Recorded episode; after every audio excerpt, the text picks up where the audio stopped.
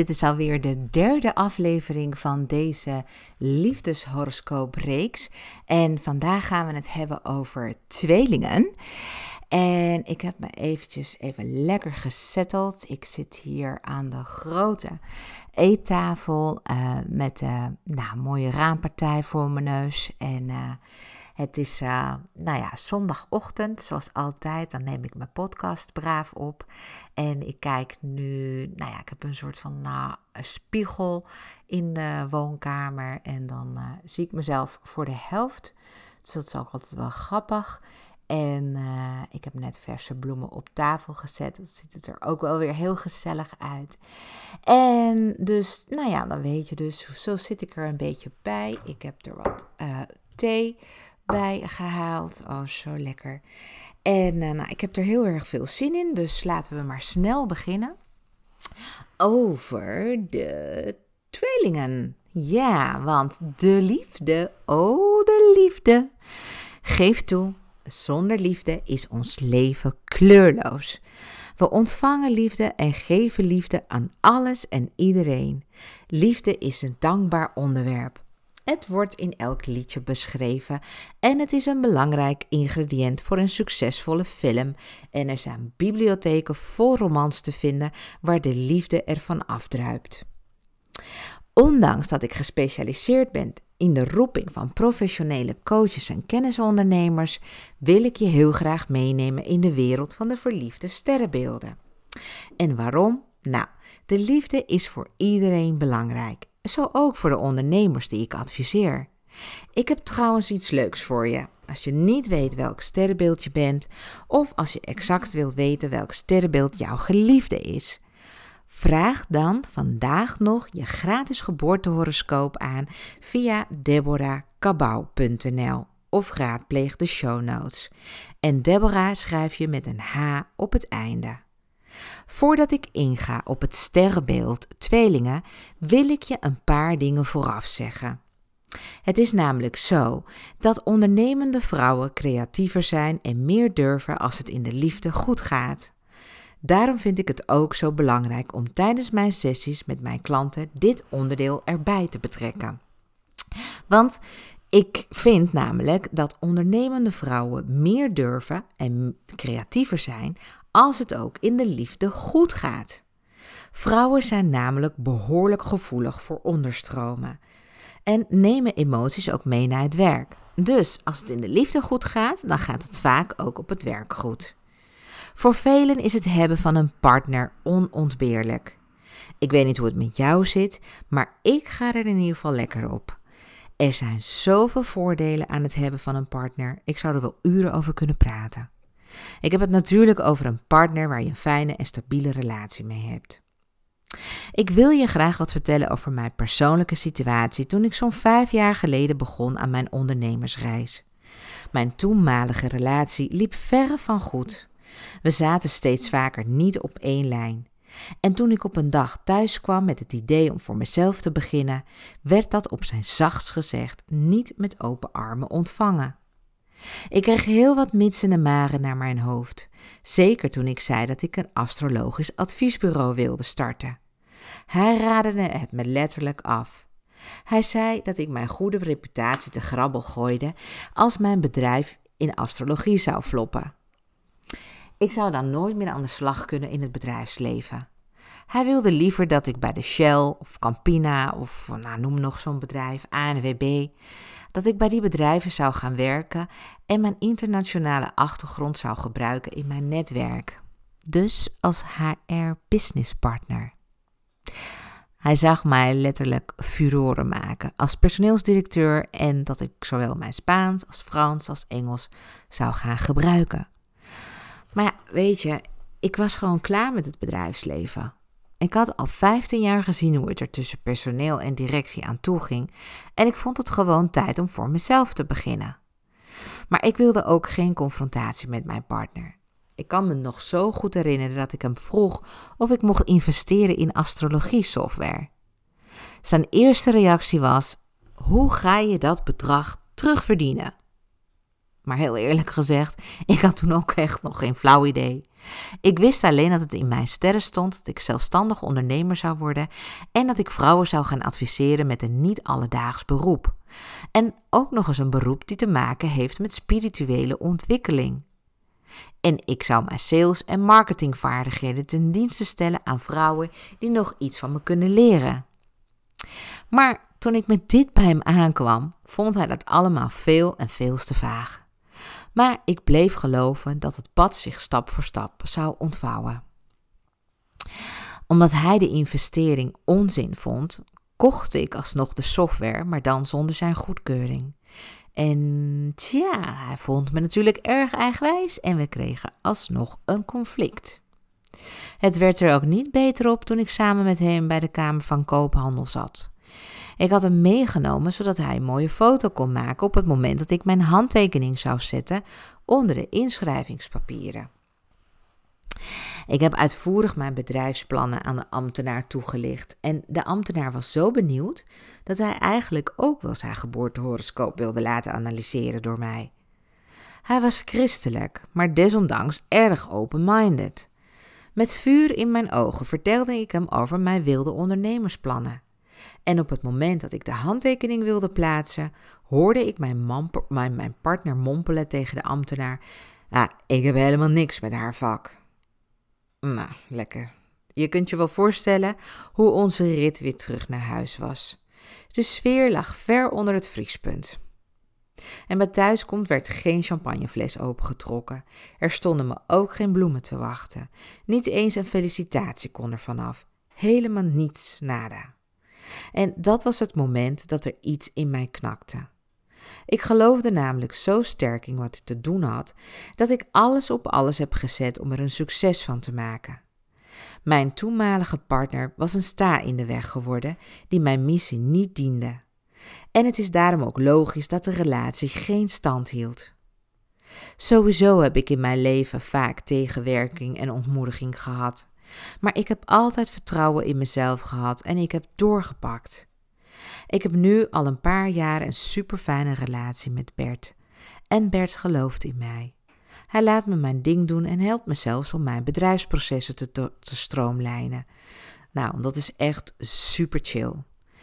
Als je net als ik ook een vrouw bent en je wilt ook dat, ehm, nou ja, een, een fijne relatie hebben en daarnaast ook nog een eigen bedrijf, weet ook dat mannen niets liever willen dat hun vrouw groeit en bloeit.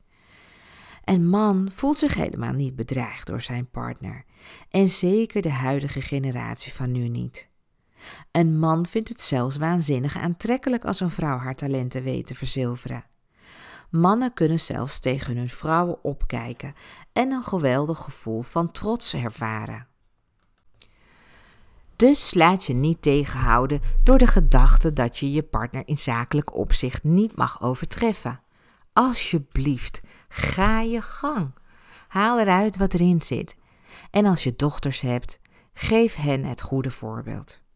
Want echt waar, mijn motto is dat een financieel onafhankelijke vrouw die haar eigen boontjes kan doppen, is niet alleen een mannenmagneet, maar ze kan werkelijk alle deuren openen die ze maar wil.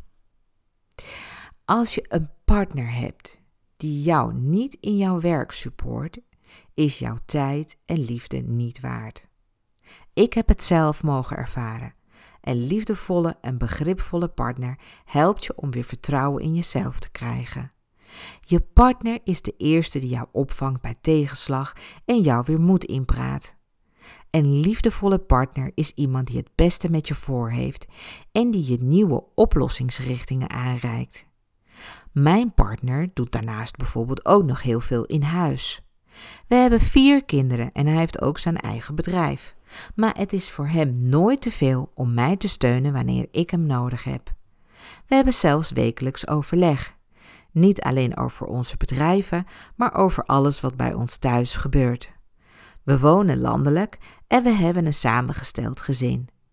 Beide hebben we een bedrijf en ook al zijn deze bedrijven totaal verschillend, we supporten elkaar waar nodig. Mijn geliefde is ook mijn business buddy en daar heb ik het echt waar erg mee getroffen. Jouw situatie zal ongetwijfeld heel anders zijn, maar feit is ook dat voor jou de liefde de levenselixer is. En wist je trouwens dat mensen ook langer leven als ze een partner hebben waar ze het leven mee kunnen delen?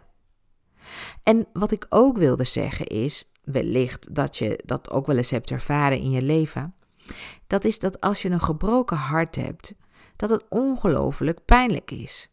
En daarom vind ik het helen van een gebroken hart een spirituele daad van de bovenste plank. Niets doet zoveel zeer als het verliezen van een persoon waar je zoveel van houdt. Dus we hebben allemaal lessen te leren als het gaat om de liefde. Het gaat grotendeels ook over onszelf. Ik kan je er heel veel over vertellen. En omdat de liefde zo ontzettend belangrijk is voor ons welzijn en productiviteit, maak ik dus ook voor alle 12 sterrenbeelden een eigen podcast. Dus ik ga natuurlijk snel beginnen over de veelzijdige tweelingen, want dat is natuurlijk wat je heel graag wilt horen. Dus vandaag staat het liefdesleven van de tweelingen centraal. Ik ga je er veel over vertellen, maar voordat ik dat doe, vind ik het belangrijk dat je een paar dingen vooraf weet. Want het is te kort door de bocht om te zeggen dat alle tweelingen gelijk zijn. We, kunnen en mogen alle tweelingen dus niet over één kam scheren. Want als alle tweelingen gelijk zijn in de liefde, betekent het dat 1 op de 12 mensen, want ja, er zijn 12 sterrenbeelden, dat zou betekenen dus dat er één op jou zou lijken. En dat is natuurlijk niet zo. Maar een aantal gelijkenissen kunnen wel getrokken worden. Dus als je voor het eerst naar mijn podcast luistert, dan raad ik je aan om aflevering 31 van de Astrologie Podcast te beluisteren. De uh, aflevering gaat over welke sterrenbeelden het beste bij elkaar passen. Ik leer je in twee super simpele stappen om jouw ideale match te vinden. Ik heb namelijk een methode ontwikkeld om heel snel erachter te komen wie bij wie past. Dus luister maar lekker nog hierna, uh, naar deze aflevering, nog eens naar aflevering 31.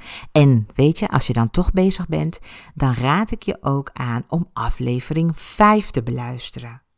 Want in populaire bladen wordt er ten onrechte van uitgegaan dat je alleen maar één van de twaalf sterrenbeelden bent. In aflevering 5 van de Astrologie Podcast leg ik je dus uit hoe het komt dat sommigen zich meer herkennen in een ander sterrenbeeld dan in hun eigen sterrenbeeld. Ook ontdek je dat jouw geest bestaat uit een samenstelling van 12 sterrenbeelden. De hoeveelheid energie per sterrenbeeld die je hebt gekregen verschilt van persoon tot persoon. Kortom, mijn advies is: luister zowel naar aflevering 31 als naar aflevering 5 voor een completer beeld.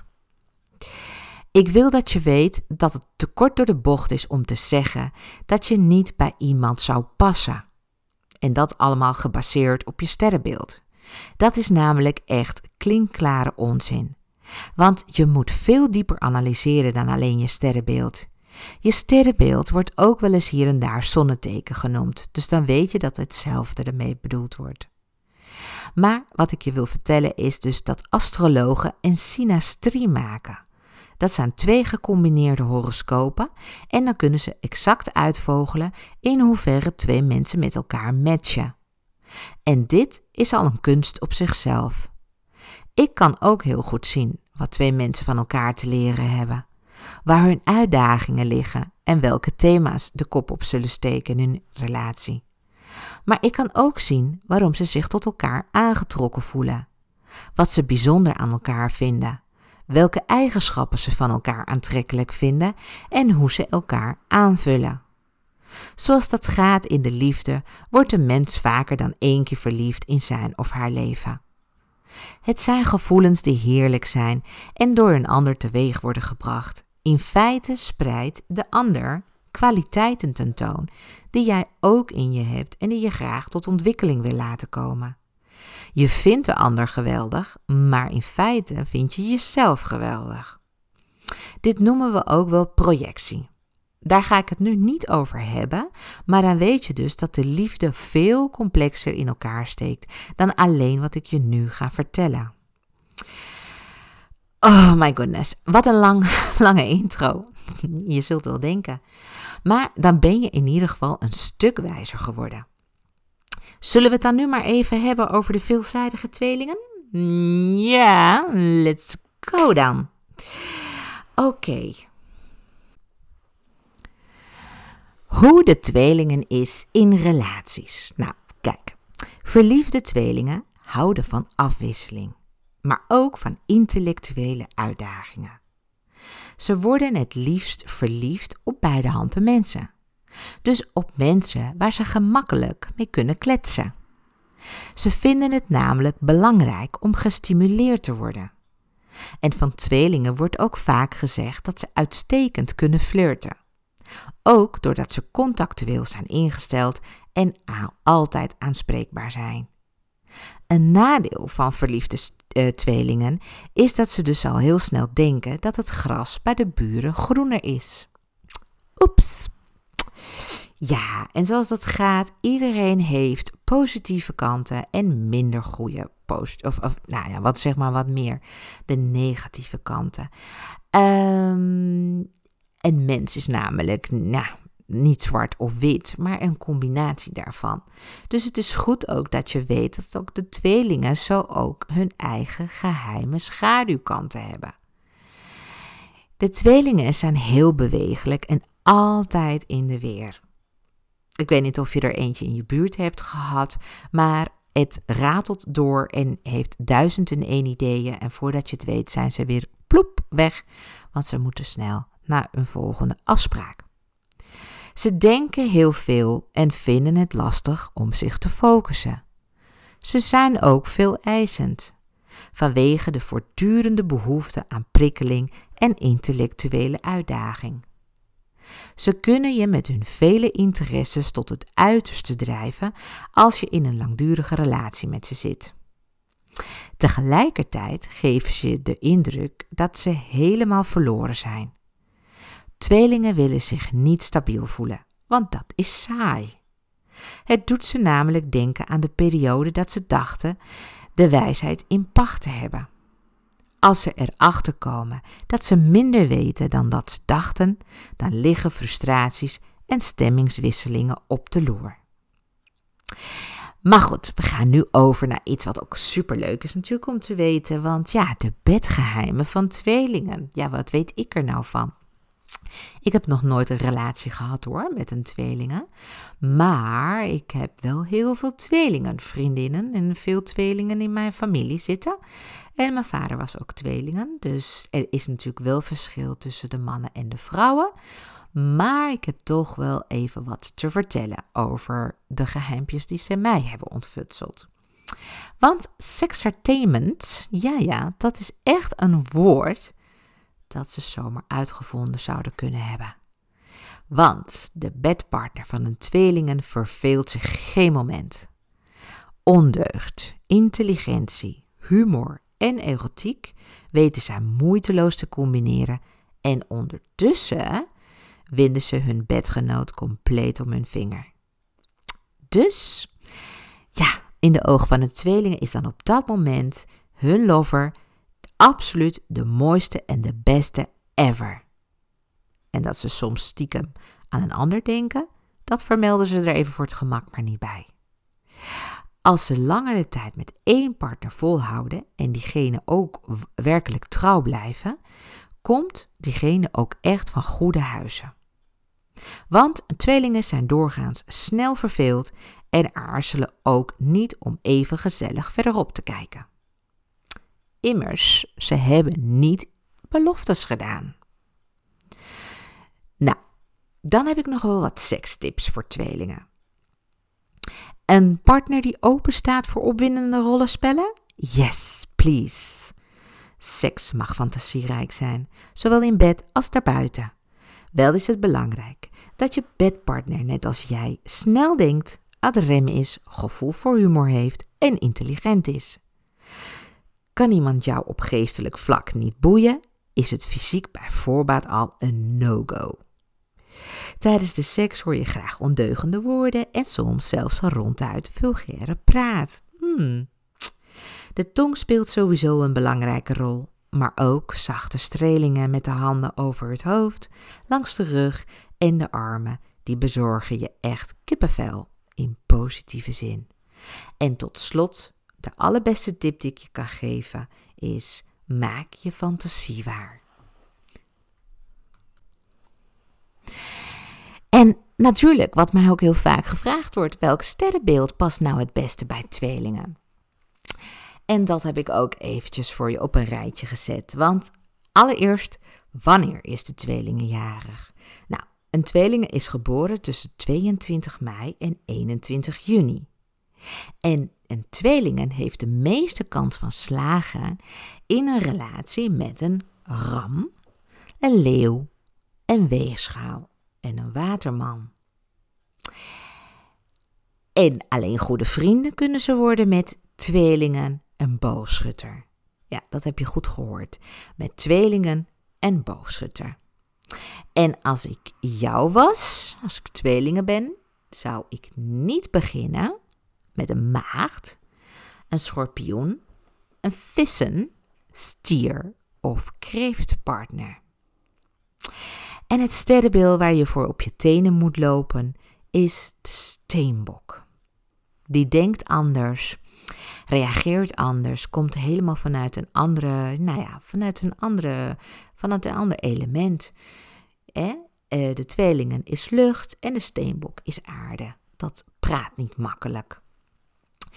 Nou, dan heb ik nog een paar relatietips voor tweelingen. Want ben jij een tweelingen?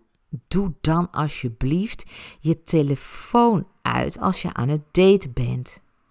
Je bent veel te snel afgeleid en de ander denkt dat je hem misschien niet interessant genoeg vindt. Dus je doet er goed aan om verder te kijken dan de oppervlakte. En een relatie blijft ook goed als er diepgang in wordt ervaren. Dus ga niet te snel praten over, nou ja, het weer en zo. Maar ga ook echt de diepte in. Laat je ook wat meer ja, uh, kennen. Hè? Praat over jezelf. Beantwoord de vragen die over jou persoonlijk gaan. En uh, interesseer je ook in de ander. Maar niet alleen maar de hele tijd over de ander kletsen, maar ga ook eens over jezelf praten. Dan maak je echt ja, de relatie veel waardevoller. In ieder geval als het gaat om het eerste contact. Zo, nou, ik heb echt al uh, best wel veel verteld over de tweelingen.